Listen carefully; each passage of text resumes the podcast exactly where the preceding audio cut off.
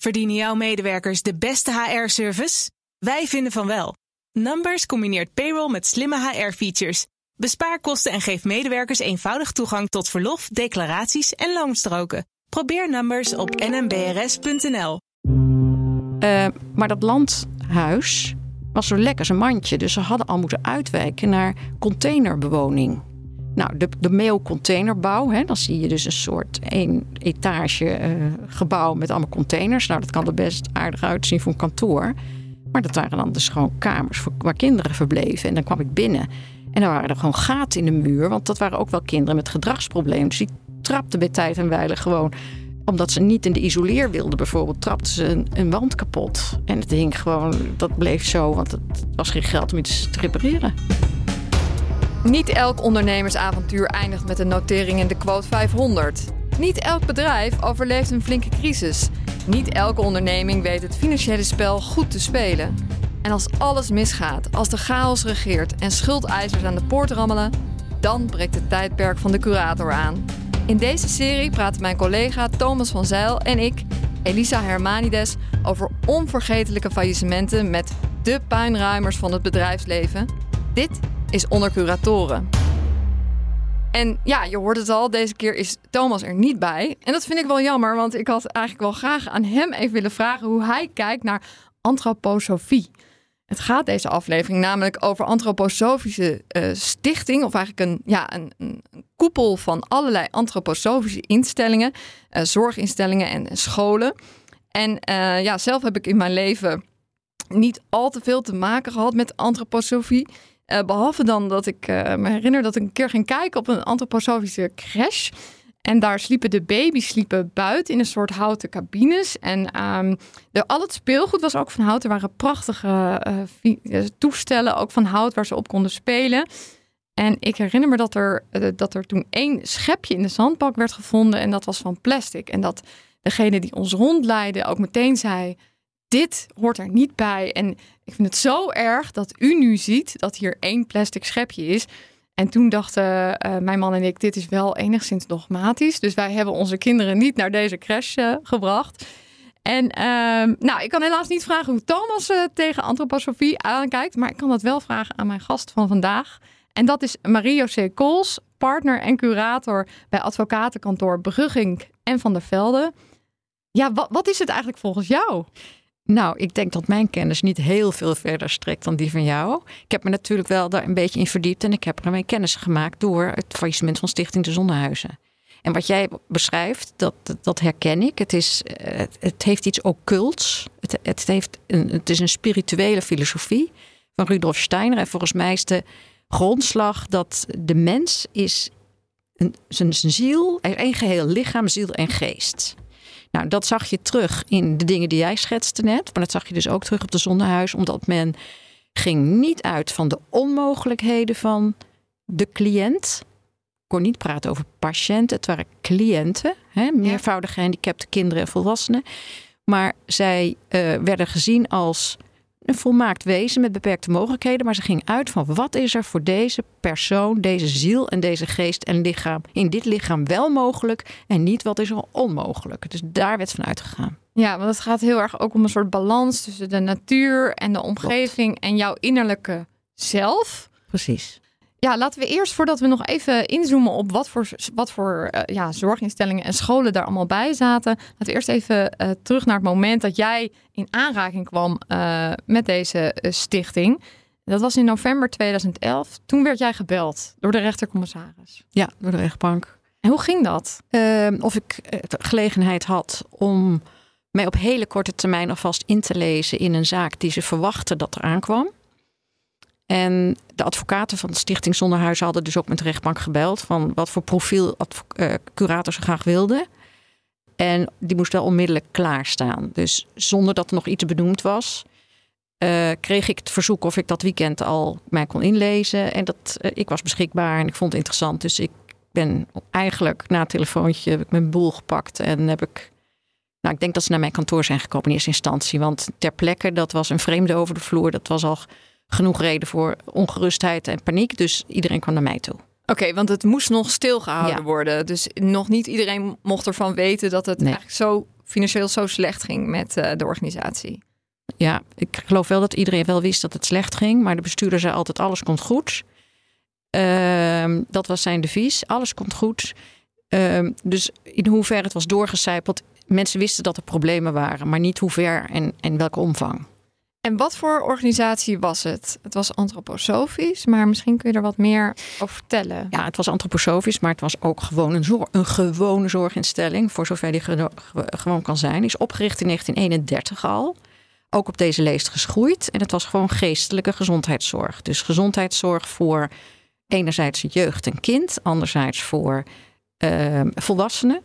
En dat waren meervoudige gehandicapten. Dus ze hadden laten we zeggen, je had een afdeling, dat waren scholen, maar kinderen met een rugzak. Kinderen die woonden ook op de zonnehuizen. Dus dat waren eenheden van groepjes van vijf. Uh, en voor de volwassenen kwam je daar vanaf je achttiende. Dat was de volwassenenzorg. En daar, als het goed was, ja, ging je daar uiteindelijk dood. Dus die mensen woonden daar op dat terrein. Ja, dus helemaal in die antroposofische sfeer. Precies. Met ook uh, medewerkers die denk ik dan die spirituele ja, uh, leefstijl ook wel aanhangen, kan ik me voorstellen. Ja, in grote delen wel. Maar dat, het is niet zo dat er waren 2200 medewerkers. Dus, en dat waren, zo, ik weet niet hoeveel antroposofisch uh, geschoolde mensen je hebt. Maar in eerste plaats waren dat natuurlijk gewoon gediplomeerde mensen. die dit wel een mooi systeem vonden, maar niet allemaal antroposofen.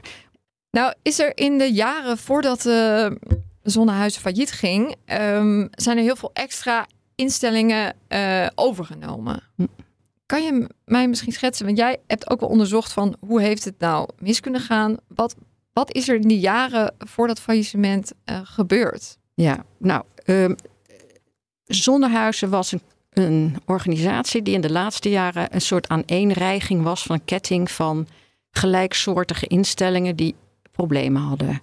Dus het was niet zo van ik heb een rijke broer en die neemt het arme broertje op, op sleeptouw, maar ze waren eigenlijk allemaal wel in de problemen. Omdat die antroposofische zorg toch vrij kostbaar is. En als je uh, niet alleen biologische groenten, want dan gaat het om peanuts, maar ook alle levensmiddelen, alle, uh, alles was kostbaar. Uh, en het kon gewoon niet uit. Ook, ook meer zorg dan je misschien in een, uh, in een andere zorginstelling zou, ja, zou zorg, Waar de Zonnehuizen erg trots op was, dat zij was last resort. Waar je nergens meer terecht komt met je gehandicapte kind, kon je wel en je gedragsproblemen, kon je wel terecht bij de Zonnehuizen. Die deden nooit de deur dicht, weigerden nooit iemand. Dus dat waren dat was echt last resort. Want er zijn ook kinderen die soms gewoon niet geplaatst kunnen worden ergens. Maar je komt bij de zonnehuis altijd terecht. Nou, kom ik terug op je vraag. Er waren meer. Hè, er zijn meer. In Zeist zit er een hele grote antroposofische, heel onderbiedig gezegd, kliek. Maar die zit er ook in Zutphen. En zo zijn er meer plekken en die zoeken elkaar op. Want ja, die hebben connectie met elkaar. Die delen dingen met elkaar. Dus toen kwamen er ook initiatieven. Het moest groter, grootst, grootst groter, groter, grootst. En er kwamen initiatieven om samen te voegen. En er werd wel een due diligence gedaan om te kijken of dat wel klopte. Maar uh, je kan je vraagtekens stellen bij of die due diligence allemaal wel goed onderzoek, dat het onderzoek wel goed gedaan werd. En uh, eigenlijk kwam er een, de lammen die de blinden leiden. Zo, zo heb ik het gezien. Dus ze hadden alle, waren we komen er straks nog over te spreken, denk ik. Gebouwen die vreselijk veel achterstallig onderhoud ja, hadden jij bent daar langs geweest. Mhm. Eh, wat, wat zag je dan bijvoorbeeld? Wat zijn voorbeelden van hoe je zag dat dat ja. uh, onderhoud niet goed was? Nou, ten eerste was er een lijvig rapport uit 2003 waarin stond dat uh, er veel panden waren van de zonnehuis met code oranje. Dat is achterstallig onderhoud en code rood. Van pas op, als dit doorgaat, dan gaan we het sluiten. Dat, dat was punt 1. Aan de overkant van de straat zat een deel, daar zag ik dichtgespijkerde ramen. Die kozijnen waren zo gaar dat er kon geen glas meer ingezet worden. Ik vertel nu echt hele schokkende dingen. Ja, want daar wonen mensen toch? Daar wonen mensen. Met, met beperkingen ook. Ook met beperkingen. Ja. Ik kwam in Brummen. Daar was het grote, het, was, het zijn grote landgoederen, hè? moet je je voorstellen. Midden in de bossen met een paar huizen eromheen. En in zo'n huis zitten dan vijf kinderen onder begeleiding van twee volwassenen. Maar dan, laten we zeggen, hulpverleners. Uh, maar dat landhuis, was zo lekker, zijn mandje. Dus ze hadden al moeten uitwijken naar containerbewoning. Nou, de, de mailcontainerbouw, hè, dan zie je dus een soort één etage uh, gebouw met allemaal containers. Nou, dat kan er best aardig uitzien voor een kantoor. Maar dat waren dan dus gewoon kamers voor, waar kinderen verbleven. En dan kwam ik binnen en dan waren er gewoon gaten in de muur. Want dat waren ook wel kinderen met gedragsproblemen. Dus die trapten bij tijd en wijle gewoon omdat ze niet in de isoleer wilden bijvoorbeeld, trapten ze een, een, wand kapot. En het hing gewoon, dat bleef zo, want het was geen geld om iets te repareren. Maar je zou denken, zo'n grote stichting die al zo lang bestaat. Uh, en die ook denkt, nou, we, we kunnen andere uh, nou ja, organisaties die dezelfde uh, ideeën hebben over zorg overnemen. Dan zou je toch denken, daar zit iemand die iets weet van financiën en die ook spaart voor dat mm -hmm. onderhoud en dat op het juiste moment uitvoert. Ja, ik vertel nu een hele slechte kant van wat ik gezien heb. Er was bijvoorbeeld in Eindhoven was er een nieuwbouw voor, ik weet de naam niet meer van die locatie. Die was pik en span met een therapeutisch zwembad. Dus het was en-en. Het was in Eindhoven state of the art. En het was in Brummen, bij de Michaelshoeve, waarmee men gefuseerd was, was het bagger. En toen jij daar kwam uh, bij de Sergeants, was er inmiddels een interimbestuurder. Maar daarvoor uh, werd uh, Zonnehuizen geleid door Frans Broekhuizen. en samen met een raad van toezicht. Zij zijn ja, vertrokken al voor jouw komst. En toen is de interimbestuurder gekomen. Uh, hoe is dat gegaan? Dat kan ik dus alleen maar van uit stukken herhalen. Ik, ik prijs me gelukkig dat ik die interimbestuurder aantrof. Want je hebt dan niet de zittende bestuurder die belang bij heeft om jou zo min mogelijk te vertellen of dingen te bedekken die in het verleden fout zijn gegaan. Die slag was al gemaakt. Dus de interimbestuurder die ik trof, die had al. Ja, die kon ik wij konden heel goed sparren. We hadden alle twee. Hoe heette hij? Charles Loré. En uh, Charles was echt een, een, een ook een, een, bestuurder in hart en nieren. Met hart op de goede plek, ook voor de antroposofie. Hij was geen antroposoof, maar die was de man die uh, zakelijk het snapte. Die snapte de cijfers en die snapte dus ook dat die administratieve organisatie niet deugde hier. Hij kon er geen chocola van maken laten we zeggen, de voorganger, dat, dat is een beetje, laten we zeggen, de vorige raad van bestuur, daar is uiteindelijk, heb ik daar weinig contact mee gehad, want die was afgetreden voordat ik kwam. Uh, maar het profiel was wel, uh, Zonnehuizen was een enorm slagschip geworden door al die uh, fusies. Met een eenkoppige raad van bestuur. Die moest dat allemaal maar zien te managen. En een raad van toezicht van vijf mensen die daar toezicht moesten houden. Die kenden elkaar al zo lang. Dat was allemaal handen op één buik. Na de fusie bleven eigenlijk de mensen uit Zeist over. Die zeiden ook van jongens, wij moeten aan de touwtjes blijven trekken. Dat blijkt ook uit notulen. Dat ze zeiden van pas op jongens, ze gaan wel fuseren. Maar wij houden het hier voor te zeggen. Ja, de eerlijkheid gebied te zeggen, dat waren over het algemeen mannen. Daar bedoel ik niks mee. Maar die eigenlijk al gepensioneerd waren. En niet meer helemaal de voeling hadden. Of in ieder geval te lang zaten op het plus, laat ik het zo zeggen. Die al ja. zo lang in de Raad van Toezicht zaten. Ja. Heren boven de 70. Boven de 75 zelfs. En konden, konden die ook, uh, die, uh, die Frans Broekhuizen, nog goed controleren in zijn taak? Na de fusies had je allerlei delen van de organisatie met verschillende systemen. Dus de ICT van de Michaelshoeve klopte, sloot niet aan op die van, de, uh, van, van Zeist. En Zeist eh, sloot weer niet aan de bronlaag. Dus al die fusies die hadden een synergie moeten opleveren. Maar het tegenovergestelde gebeurde. Dat niks kon meer aan elkaar geknoopt worden. De ICT eh, was achterhaald. Er werd een enorme werkgroep opgericht. Er werden de beslissingen genomen. Deze weg, dit is het advies. En dan werden notulen gemaakt, die heb ik ook gezien. Die waren bijna woordelijk. Dus het was ja, het was niet een besluitenlijstje, maar dat waren enorme lappen vellen met, met tekst. Um, en aan het eind van de rit werden de besluiten genomen. En de volgende dag draaide de raad van bestuur dat terug. Want dan had hij een ander gesproken die zei: nee, zo moet je het helemaal niet doen. Je moet het anders doen. Dus er was een enorme besluiteloosheid in die grote organisatie. Er was een bestuurder en een raad van toezicht die graag alle macht aan zich wilde houden. En het was, ja, Charles zei: onbewust onbekwaam. Deze mensen konden deze grote organisatie niet besturen. Nee, maar als je als doelstelling hebt, want dat is denk ik toch hè, schaalvergroting en dan ook denk ik samen sterker staan, dan haal je toch een goede financiële man of vrouw in mm -hmm. huis om uh, en misschien een ICT mevrouw uh, of meneer in huis om uh, orde op zaken te gaan stellen. Ja, maar ze zeggen ook wel eens dat dat werd ook gedaan. Er gingen ook bakken met geld naartoe naar consultants? Of, uh... Ja, maar het waren dus eigenlijk altijd mensen onder het niveau van de raad van bestuur.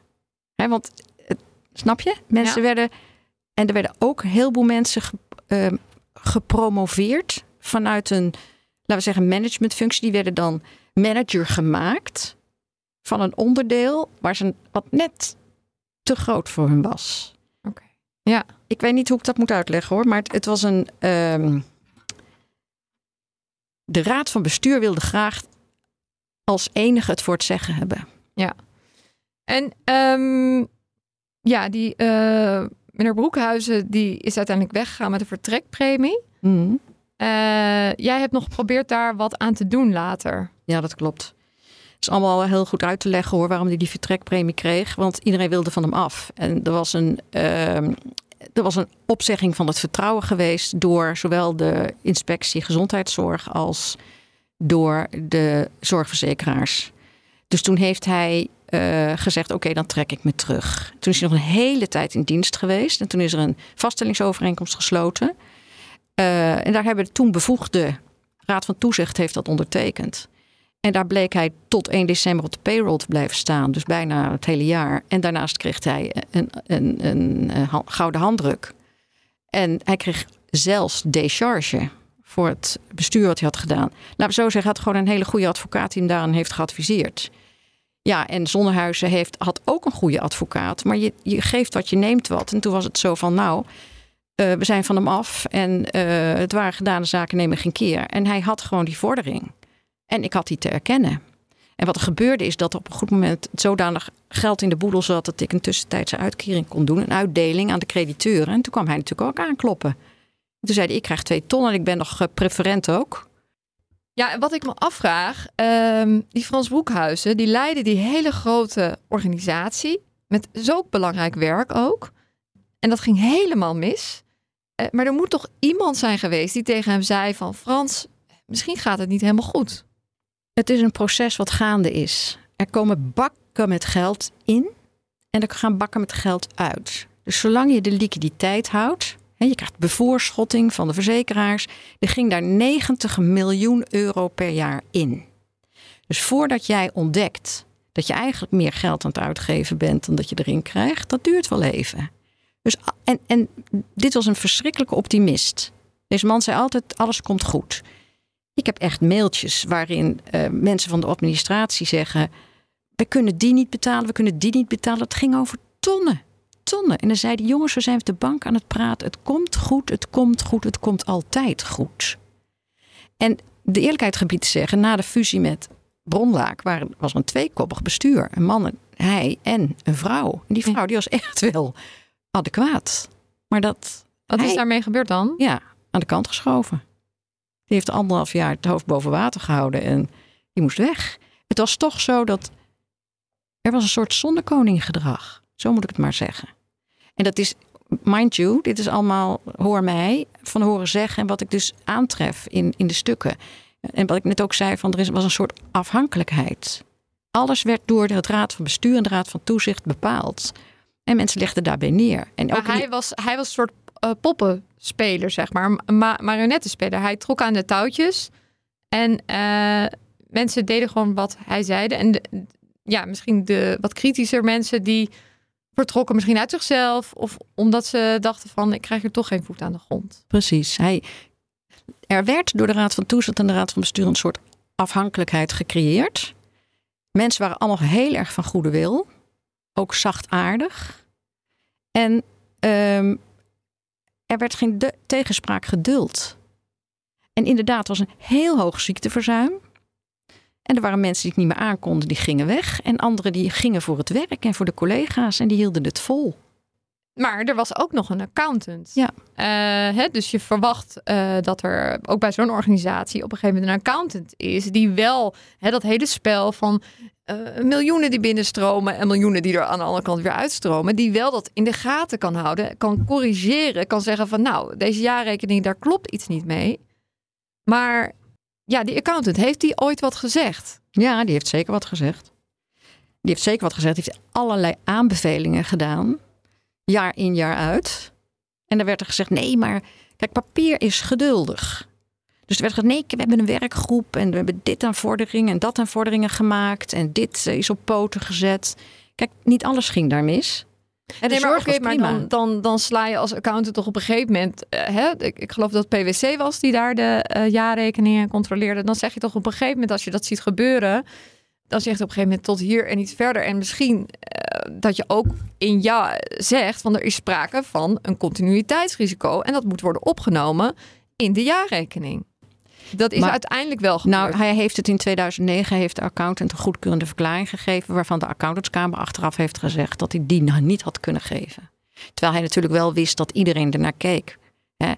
Je praat over een financiering uit gemeenschapsgeld, uit de AWBZ. Dat is allemaal belastinggeld, AWBZ, eh, ziektekostenverzekeringen. Dus het is heel precair. je zag ook bij die, eh, eh, bij die jaarrekening dat er was op een gegeven moment een onderhoudsreserve voor eh, onderhoud. Daar zat een paar, paar miljoen in. En die is op een gegeven moment ook gebruikt om, nou ja, om, die, is, die is toen vrijgevallen. Mhm.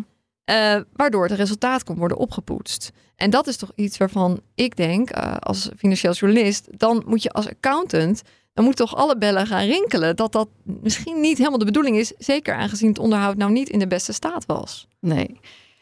Kijk, er was voor de code roodpanden, die heel slecht onderhouden was, waren 40 miljoen nodig om die op orde te krijgen. Maar daar was wel een, een ru- ruim aantal jaren voor om dat voor elkaar te krijgen. Maar die onderhoudsreserve, dat was 1,9, is in feite een druppel op de gloeiende plaat.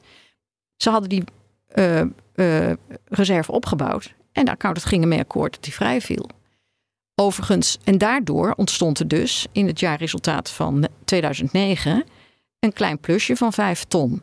Terwijl in 2010 de conceptjaarrekening was, dacht het, de oude raad van bestuur 5,7 miljoen. Uiteindelijk was het een verlies in 2010 van 18 miljoen. Nou, dat eh, is een bizar verschil, toch? Ja, ja. Ja, we, hebben dat- eerder, we hebben eerder deze podcast eh, het faillissement gehad van eh die Entertainment Group van Marco Borsato. Daar bleken ze eigenlijk ook eigenlijk geen idee te hebben of ze nou winst of verlies maakten. Ze dachten winst, toen bleek het opeens Hmm. een eh, verlies te zijn. Maar dat is hier dus ook zo. Er kwam gewoon heel veel geld binnen, er ging heel veel geld uit. En eigenlijk had niemand, ik denk Frans Boekhuis misschien zelf ook niet, een goed overzicht over hoe zit het financieel nou echt in elkaar. Dat klopt. En dan zie je dus ook dat het vaak gaat om. Deze, deze instelling werd volledig op kaststromen gestuurd. Dus je weet, ik krijg geld binnen en ik vul gaat. Ik betaal die en die. Maar uiteindelijk klopte de liquiditeitsprognose niet. En dat was mijn verhaal met al die instellingen hadden verschillende systemen. Het ICT was niet op elkaar aangesloten. Dus het was niet, die fusies was niet een conglomeraat van goed draaiende instellingen. Het, was, het, het waren dus allemaal ja, gebrekkige, niet in de zorg, maar wel administratief gebrekkige organisaties die elkaar daarin versterkten. Ja. Ja. Dus er was, ik heb horen zeggen van een manager eh, jeugd, dat is een mooi beeld. Die zei, want jij zegt, je, je trekt toch ook mensen aan die adequaat zijn in de financiën. Er werd een adequate finance, een CFO aangesteld. En ze zei, met, met het, de maand zag ik die man achter zijn bureau kleiner worden en de stapels groter. Want alles moest via hem. Alles moest via de raad van bestuur. Er werd heel weinig gede- gedelegeerd. Dus ja, dan creëer je een systeem. Die man die, die werd gewoon overspannen. Uiteindelijk eh, kwam jij daar. Laten we even, terug, Ja. eh, laten we even teruggaan naar het surseance. Eh, dat heeft nog best wel lang geduurd, die surseance. Ja. Waarom was dat?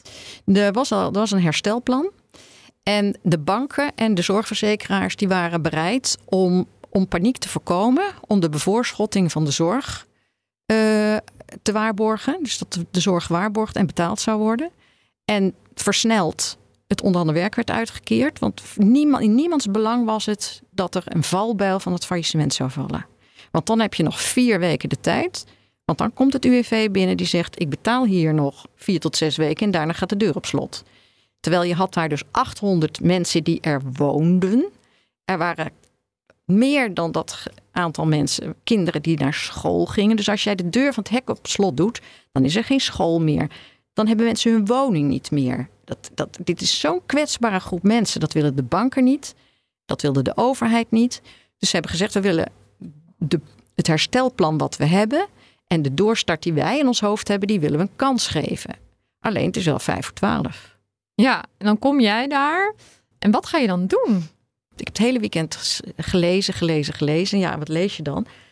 En dat is, dat, dat is wat ik noem papier is geduldig. Je, de organisatie kan wel zeggen, ik werk volgens de zorgbrede governance code. maar als je dat zegt, maar je doet het niet, ja, dan heb je toch prut in huis. Maar goed, ik kwam dus, en dat is het voordeel, ik kwam met een interim bestuurder, die al vanaf juni de boel aan het, aan het reorganiseren was. Dus die kon mij, en daar kon ik onbevangen mee praten. En hij met mij, want ik was onbekend en hij had al, laten we zeggen, op de puinhopen die hij aantrof, al een heleboel geprobeerd te doen. En redden en in kaart brengen. En allerlei goede mensen aangetrokken. Ook een goede accountant. En de boel opgestuurd. Hè, dus om, om, om te proberen een overlevingsplan te creëren. En daar was hij al heel eind mee op schreek. Maar dat ging niet lukken. Dat ging niet lukken vanwege dat onroerend goed. Vastgoed. Ja. Ja. Dat was de bottleneck. Omdat dat onderhoud zo uh, achterstallig was. Ja, het was zo, de waardering van dat onroerend goed, daar was een heleboel uh, oneenigheid over. Er was ook er was een nieuw stelselopkomst. Vroeger werd er gewoon gezegd: oké, je hebt zoveel patiënten, krijg je zoveel uit de AWBZ. En apropos, dat jouw, woon, jouw, jouw, jouw uh, je huurcomponent, dus je, je, je, je woonlasten, die zullen wij dekken. Maar de overgang was naar een nieuw systeem dat de tarieven voor de, voor de zorg, die waren inclusief de wooncomponent. Dat betekent als jij dus een gebouw hebt wat niet goed onderhouden is en je hebt plek voor 20 man en je hebt kosten voor 20 man, maar je kunt er maar vijf plaatsen, want de rest is onderkomen, dan krijg jij maar voor vijf mensen, waar je vroeger voor 20 man je woonkosten kreeg, krijg je het in de toekomst maar voor die vijf. Alles werd natuurlijk, ja, um, de bomen groeiden niet meer tot aan de hemel. En alles werd, ge, hoe noem je dat nou, dat het efficiënter werd gemaakt. Ook kostenefficiënter werd gemaakt. Dus toen werd er met die over, overdracht werd er gezegd: ja, maar wij moeten die zorginstellingen, dat moet veel efficiënter.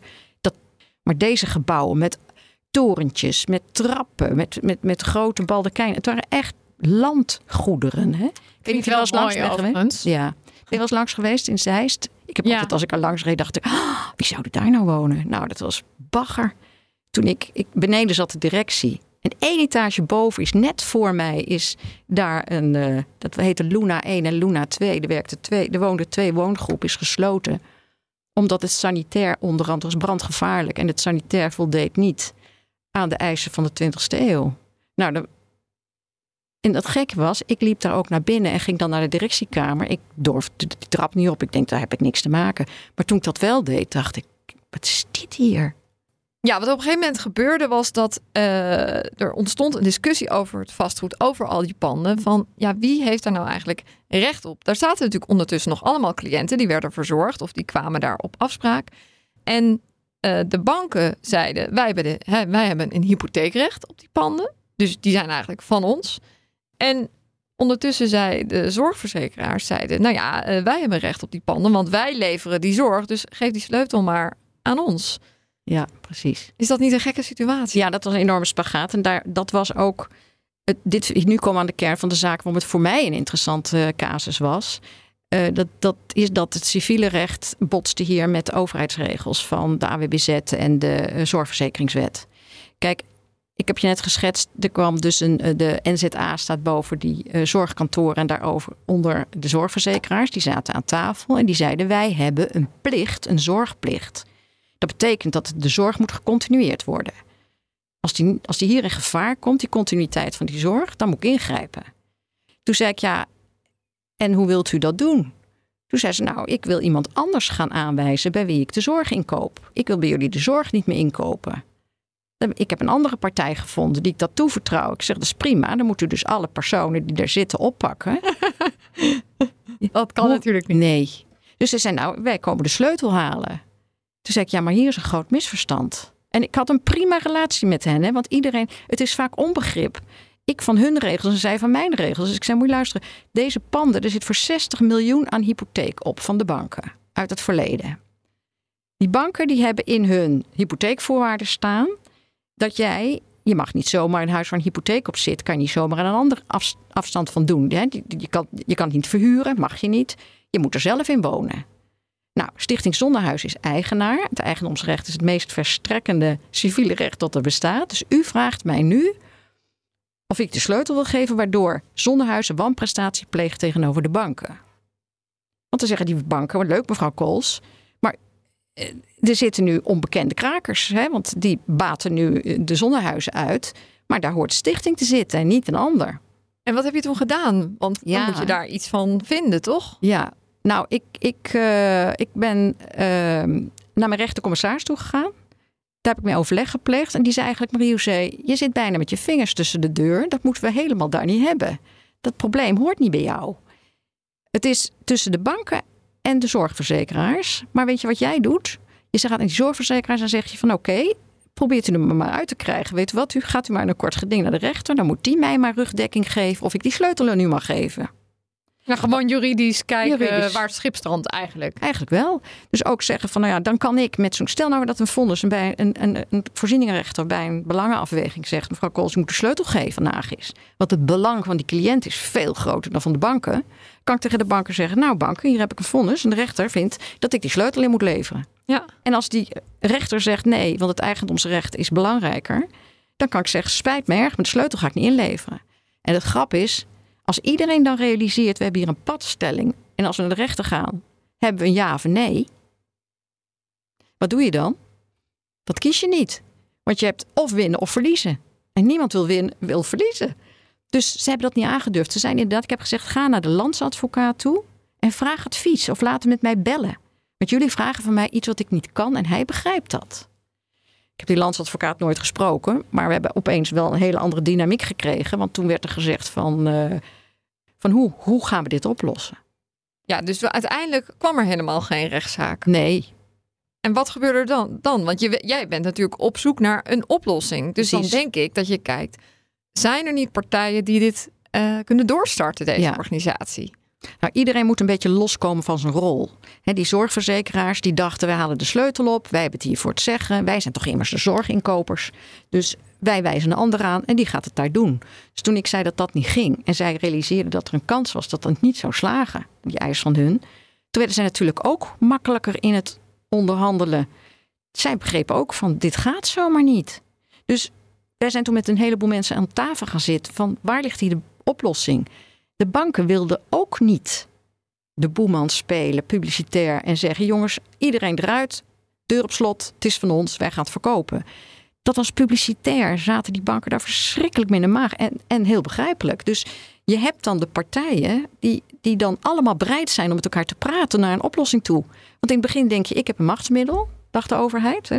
dat zie ik dan maar zo als die zorgkantoren. Ik heb een machtsmiddel, ga ik gebruiken. En als je begrijpt dat je dat machtsmiddel eigenlijk niet hebt, of misschien misloopt, of misschien gaat procederen en het niet lukt, ja, dan ga je naar iets anders uitkijken. Maar dan word je wel wat makkelijker in het treffen van een deal. En zo zijn we uiteindelijk eh, gekomen tot een, een tussenoplossing. En dat was met eh, twee doorstartende organisaties. Ja, die waren waren- die makkelijk te vinden? Nou, er waren zoveel geïnteresseerden. Ik had, ik heb, er waren geloof ik 40 partijen die allemaal graag een deel of het geheel wilden overnemen. En toen dacht ik, ja, maar ik kan hier niet met 40 partijen aan tafel gaan zitten. Toen hebben we ook iets bedacht wat ook niet heel goed geval is bij iedereen. Maar omdat het allemaal gemeenschapsgeld was en wij natuurlijk heel veel werk moesten doen, dacht ik, ik ga niet met die partijen aan tafel. Ze krijgen van mij een bidboek. Dat bidboek laat precies zien, dit zijn de omzetcijfers, dit zijn, hè, die, weliswaar met een gebrek en een waiver, maar dit zijn het aantal cliënten, dat wisten we dan wel.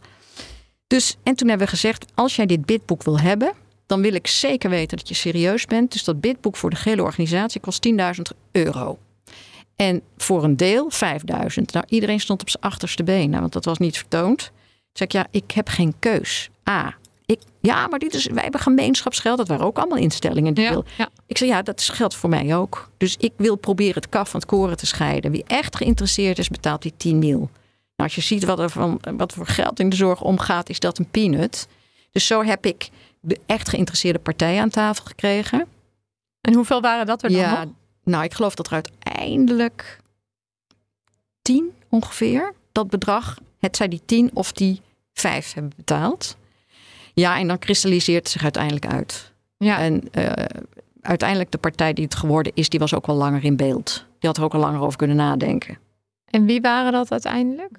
Dat was uh, Loek Winter, een bekende naam in de gezondheidszorg. Uh, die wilde graag de volwassenenzorg overnemen. En LSG, LSG Rantree was ook een hele grote partij met diepe zakken, zoals Charles Loré zei. Die partij heeft diepe zakken en die wilde de jeugdzorg overnemen. Dus er kwam een splitsing. En dan was het ook de bedoeling dat ze de zorg zouden loskoppelen van het vastgoed. Nou, en dan heb je die oplossing. Ik kan me voorstellen dat je ook heel erg opgelucht bent dan, toch? Nou, de oplossing zat hem erin dat het was allemaal tijdelijk. Want die banken zeiden wij vinden het prima dat deze partijen die zorg gaan doen. Maar wij gaan op den duur wel die panden verkopen, want we willen onze 50, mil, 50 miljoen euro terug. En wat het mooie aan deze oplossing was, is dat deze partijen mochten tijdelijk de banden gebruiken. Dat had een paar voordelen. Ze moesten wel de inventaris al direct kopen. Dus de boedel die kreeg direct 3 miljoen in, in kas. Nou, dat was prettig, want wij moesten natuurlijk ook een heleboel betalen. De apotheek, de bakker, de, de, al, alle levensmiddelen. Er werden ook nog honderden panden gehuurd. Gewoon woonhuizen, waar woongroepen zaten. Werden er gehuurd door, door de stichting. Nou, die huur moest betaald worden. Dus met die 3 miljoen konden we al flink wat betekenen. Dus zij kochten die inventaris. Ze kregen het recht om met die individuele verhuurders te praten om de huur over te nemen. En in onze eigen panden mochten ze maximaal twee jaar zitten. En dan was het zo dat ze het eerste jaar moesten ze rente en aflossing betalen. En het tweede jaar moesten ze al beginnen met ontruimen. hoefden ze alleen maar dat te betalen wat ze gebruikten. Want wij wilden ze stimuleren om ze. Hè, dat op den duur moesten er verhuizing en nieuwbouw komen. Ja. Dus wij wilden ze stimuleren om er toch uit die panden te vertrekken. En om dat te stimuleren, welk pand wat ze vrijmaakten, daar hoefden ze niet meer voor te betalen, want dan konden wij dat verkopen. En zo was het de bedoeling dat ze dat maximaal twee jaar mochten doen. En hoe lang heeft dat uiteindelijk ja, geduurd? Ja, vier en zes jaar. Oké. Volwassenen hebben na vier jaar eh, gekocht. Dat is inderdaad door de seizoenen gekocht. Dat is heel geruisloos gegaan. De seizoenen was van Luke Winter. Ja, dat is, die had de beste panden. Die had, ja, niet omdat hij dat uitgezocht had, maar die volwassenenzorg zat behoorlijk goed in elkaar. En uh, dat was ook geen verloop. Want je bent daar vanaf je achttiende en je gaat eruit als je overleden bent. dus dat waren mensen die daar woonden, die hadden daar de, de, de, de, weverij, de kaarsmakerij, alles gebeurde op dat terrein, de houtzagerij. Dus dat, dat waren rustige orde. De jeugdzorg, daar zat het probleem. En LSG heeft er dus zes jaar over gedaan om het te ontruimen. Ja, en al die tijd kwam, kwam die gebruiksvergoeding in de boedel. Ja. Dus, dus dat was wel gunstig voor de boedel dan, ja. dat het wat langer duurde. Ja, maar wat vonden de banken daarvan? Nou, die banken die hadden daar, kijk, maar ik net zei van, uh, iedereen telde zijn knopen. En uh, je had de kans dat je ofwel het aan de overheid moest overdragen of, ofwel zou winnen. Wilden de banken zelf ook een oplossing. Die vonden het publicitair heel lastig om te zeggen, uh, jongens, oprotten hier. Dat gaat natuurlijk niet. Dit is een heel mooi faillissement geworden door deze situatie. Ik had uiteindelijk 44 miljoen in de boedel. We hebben 16 miljoen betaald aan belastingdiensten, aan UWV, aan personeelskosten en aan al die gegarandeerde crediteuren zoals apotheek, uh, dierenverzorging, et. Uh, en, de en de concurrent hebben natuurlijk ook uh, mensen moeten inschakelen voor onderzoek, de administratie op orde brengen, die procedures voeren tegen de accountant. we hebben uiteindelijk aan alle crediteuren vijf, en ook de banken, dus die kregen dus de opbrengst, maar een deel ging dan naar de boedel. Die hebben uiteindelijk 45% gekregen van wat ze te vorderen hadden. Ja. En dat is uiteindelijk 20 miljoen. Dus we hebben uiteindelijk kunnen sparen dankzij het feit dat er zo lang in die panden werd verbleven. Ja, ja precies. Dat ik het huurgenot moest verschaffen, kwam die, die opbrengst, die komt dan in de boedel. Die gaat uiteindelijk ook naar die banken, maar daar profiteren de concurrent-crediteuren ook van mee. En hoe is het uiteindelijk afgelopen? Want tegen de accountant is ook een procedure uh, geweest. Dat was ook een succes? Ja, dan, we hebben niet op alle klachten gelijk gekregen, maar op de cruciale wel. Hij had die continuïteitsverklaring, vindt de ondernemerskamer niet mogen geven. Uh, staat in een openbaar vonnis. Dus dat, hij heeft daar toen een berisping voor gekregen. Hij is volgens mij ook niet meer werkzaam als accountant.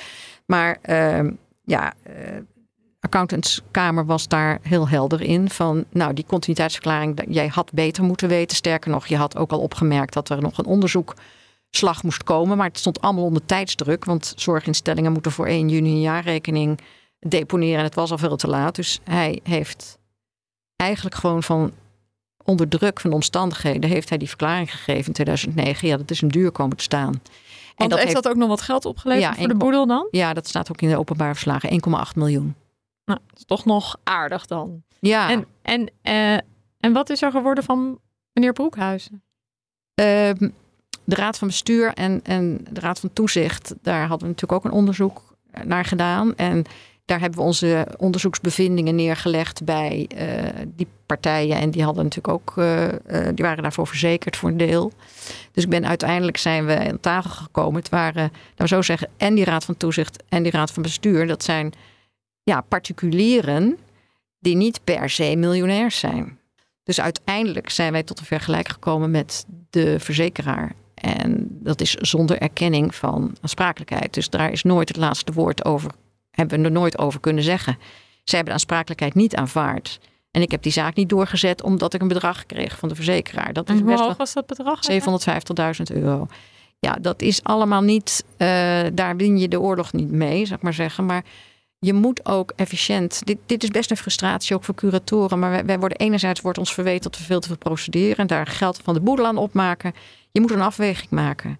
En dan denk je van, nou ja, je kunt je aansprakelijkheid niet erkennen. Maar wie betaalt nou 750.000 euro aan een boedel als je geen aansprakelijkheid heeft? Ik denk, laten mensen dan maar tussen de regels doorlezen.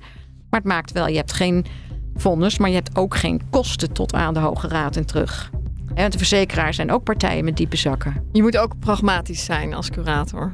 Ja, en dat is, dat is lastig. Maar daarvoor heb je wel gelukkig een rechtercommissaris met wie je daarover van gedachten wisselt. Die jou ook wel op, het, op de rails houdt daarin. Dank Mario C. Kools, partner en curator bij advocatenkantoor Brugging en Van der Velde. Dit was Onder Curatoren. Wil je meer gesprekken horen met de puinruimers van het bedrijfsleven? Abonneer je dan via jouw eigen podcastkanaal of via de BNR-app. Luister vooral ook de vorige aflevering over een curator die in een hoog oplopend juridisch conflict belandde met de Rabobank. Dankjewel voor het luisteren. Verdienen jouw medewerkers de beste HR-service? Wij vinden van wel. Numbers combineert payroll met slimme HR-features. Bespaar kosten en geef medewerkers eenvoudig toegang tot verlof, declaraties en loonstroken. Probeer Numbers op nmbrs.nl.